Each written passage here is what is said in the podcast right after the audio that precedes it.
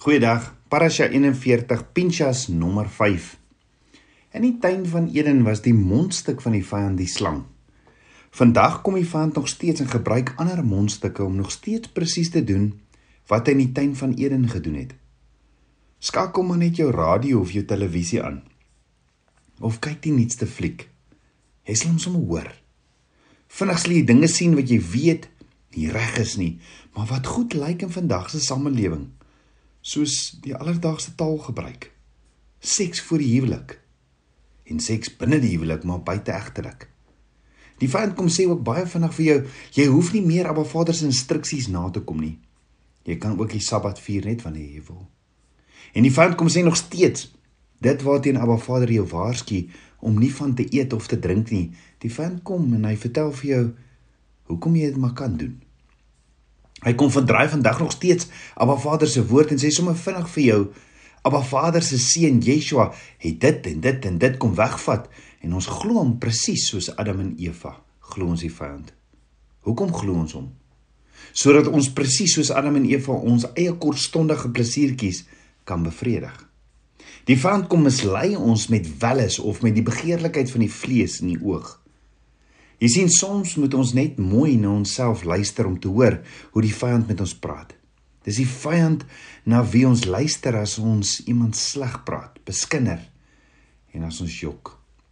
Want sien Yeshua leer ons uit die oorloop van die hart praat die mond.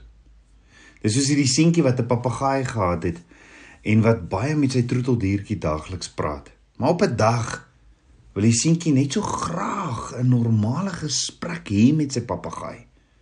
En hy vra toe die papegaai: "Praat jy ooit?" Of herhaal jy net? Dink daaroor. Dis nog 'n baie goeie vraag. En hier is die toets.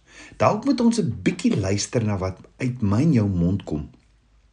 Soos die papegaai, want dit wat uit ons mond kom, gaan vir ons sê na wie ons luister. So ons het gister gesien Noag het 'n passie of 'n ywer vir Abba Vader gehad. Hy was onberispelik in sy generasie.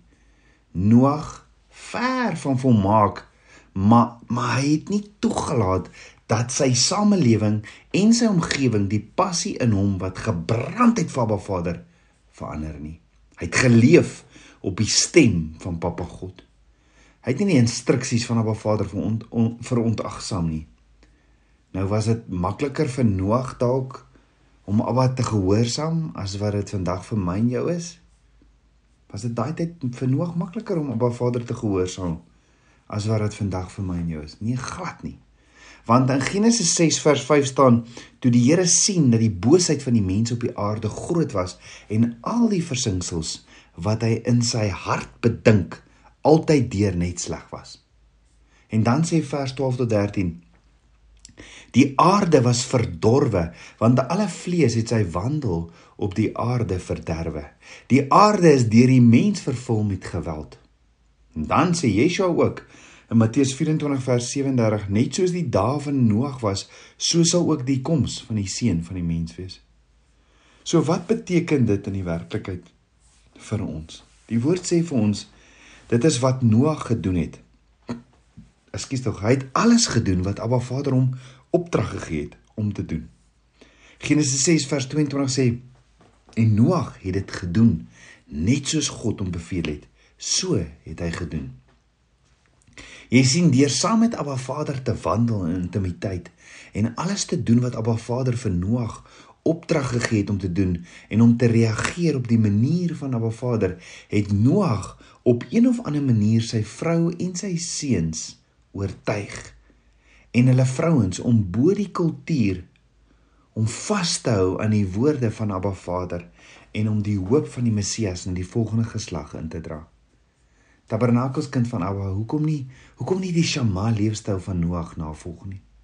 Dit is mos net die gepaste reaksie van ons as mens op die genade van Abba Vader. So Noag was een van die persone wat baie geseënd was in sy verhouding met Abba Vader. Dan natuurlik ook Abraham. Abraham was die betroubare dienskneg van Abba Vader. Kan jy onthou hoe beskryf Abba Vader vir Abraham? Die woord sê in Genesis 15 vers 6 en hy het in die Here geglo en hy het hom dit tot geregtigheid gereken. Nou Abraham is gebore en grootgemaak in 'n perverse heidense samelewing. Hy het almal se perspektief gehoor, maar hy het nie sy vertroue gesit in die stemme wat hy in die samelewing gehoor het nie. Hy het net die stem geshema van Abba Vader en daarop gereageer. Abraham volgens Genesis 18 was 'n man wat sy huis gegrond het op die woord van Abba Vader. Hy het Abba Vader se stem gehoor en in plaas daarvan hom aan te pas by die kultuur kulturele en godsdienstige praatjies van die vyand in sy tyd, het Abba Vader eerder geshema. Net so roep Abba ons na 'n shema leefstyl toe soos Noag en Abraham. Dan die derde persoon, Moses. Die man met het 'n onversadigbare tyd vir Abba Vader gehad. Maar het Moses nou weer waar het hy nou weer vandaan gekom? Moses is in Egipte gebore. Hy's grootgemaak in die perverse wêreld in die huishouding van Farao. Maar toe Moses die stem van Abba Vader hoor en sy teenwoordigheid ervaar het, het hy ongeneeslik daaraan verslaaf geraak. Onthou, hy is die man wat vir Abba Vader gesê het in Eksodus 33 vers 13 tot 18: As ek dan nou genade in u oë gevind het, maak my dan tog u weer bekend dat ek u kan ken sodat ek genade in u oë kan vind.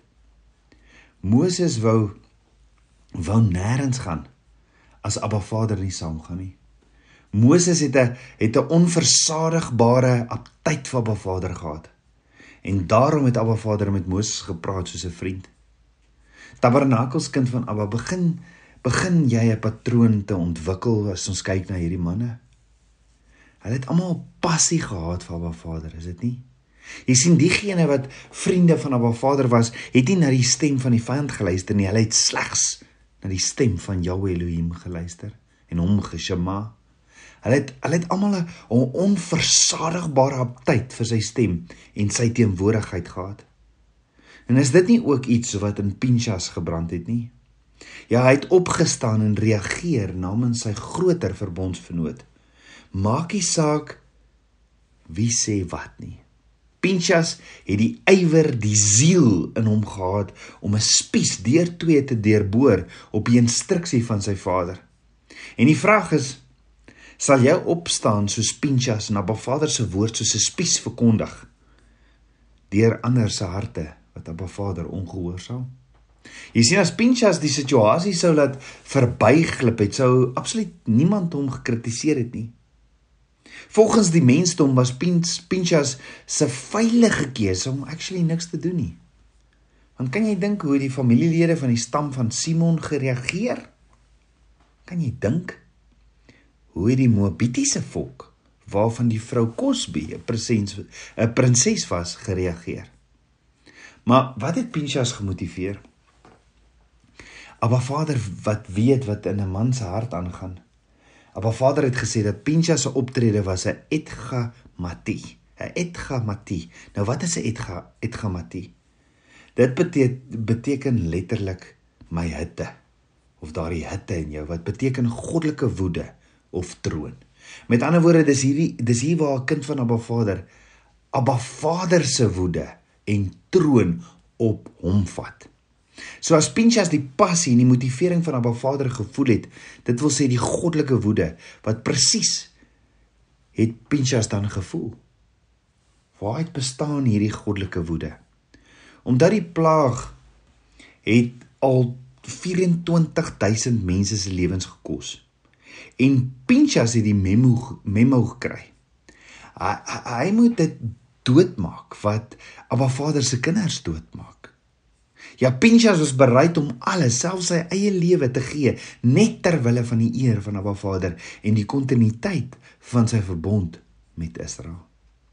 Nou Zimri, die man wat 'n leier in die stam van Simeon was, wat doodgemaak is deur Pinchas, vertel vir ons ook iets. Want hoor gou-gou, Pinchas is die stam van Levi. Zimri is van die stam van Simeon en hierdie twee stamme was onafskeidbaar geweest. Ja, hierdie twee stamme was die twee stamme wat aanvanklik in 'n sameswering was om die eer van hulle suster Dina te beskerm na sy verkrag is en wat wraak geneem het deur die stad Sichem te vernietig. Dit kan jy gaan lees in Genesis 34 vers 25. Maar wat Pinchas gedoen het eintlik eindig mos nou die verhouding. Maar dit is nie dat Zimri en die heidense prinses Cosby onskuldig was nie, nee. Nee, hulle hulle het na die tabernakel toe gekom vir een doel. En slegs een, om vir Abba Vader uit te daag en ander aan te moedig om van ware aanbidding af te wyk. Zimri het presies die teenoor teenoorgestelde gedoen as wat Elia op die berg Karmel gedoen het. Onthou Elia het die grondgebied van Baal binne gegaan en die profete en die priesters van Baal uitgedaag deur Baal openlik te beledig. Zimri en Cosbi daarenteen het die grondgebied van Abba Vader binne gegaan en sy profete en priesters uitgedaag deur Abba Vader te beledig.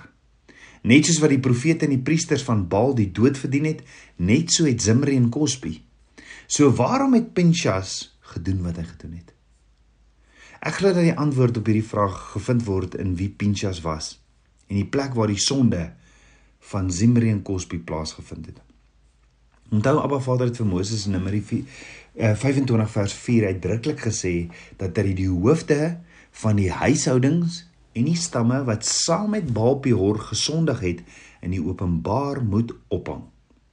Dan na die pla wat uit die sonde van die spioene en die rebellie van Korag uitgereik het, het Abba Vader ook vir Aaron en sy seuns gesê dat hulle die verantwoordelikheid sou dra vir misdrywe teen die heiligdom, teen die tabernakel. Ja, in Numeri 18 vers 1 sê Abba Vader duidelik vir Aaron: "Jy en jou seuns in die huis van jou vader saam met jou moet die ongeregtigheid met betrekking tot die heiligdom dra." Zimri se misdryf was 'n was 'n duidelike oortreding teen teenoor die heiligdom of die tabernakel van Abba Vader. Nou Pinchas was die seun van Eliezer, die die seun van Aaron en hy was deel van diegene wat die verantwoordelikheid gedra het teen misdrywe van die heiligdom. Met ander woorde Pinchas was net 'n getroue dienskneg op diens. En die beskerming van die tabernakel was sy verantwoordelikheid. En hy het gedoen wat 'n wag aan diens moes doen, selfs met groot gevaar vir sy eie lewe en toekoms. Dit wat hy gedoen het was 'n was 'n onbaatsigtige daad van toewyding aan Abba Vader. Net so. Dit is tyd. Die tyd het aangebreek dat die vriende van Abba Vader opstaan. Dis tyd dat daar 'n siel in ons is vir Abba Vader se woord, sy instruksies. Dis tyd dat ons soos Pinchas die tabernakel van Abba Vader sal beskerm. Ja, maar roef die tabernakel, die tabernakels waarin God gewoon het, is nie meer op aarde nie, is nou in die hemel. Is nie waar nie. Tabernakels kind van Abba, jy is die tabernakel waar binne Abba Vader wandel vandag. En is tyd dat Abba Vader se waarheid ons sal verander, dat ons met passie sal opstaan soos Noag, Abraham, Moses, Pinchas en vele ander persone in Abba Vader se woord. So die vraag is, wat van jou vandag? Wie se stem gaan jy shema? Kom ons bid saam. Abba Vader, koning van my hart, Abba, ek loof en ek prys U. Vader, ek ek ek wil saam met U wandel soos Noag. Vader, ek wil u vriend wees soos Abraham en Moses. Ek wil u Shema en hierdie passie en ywer in my moet brand soos wat dit gebrand het in Pinchas. Vader, my hart brand vir u. Meer en meer van u. Ek bid dit alles in Yeshua Messie se naam, die seun van Jahweh. Amen. Shalom.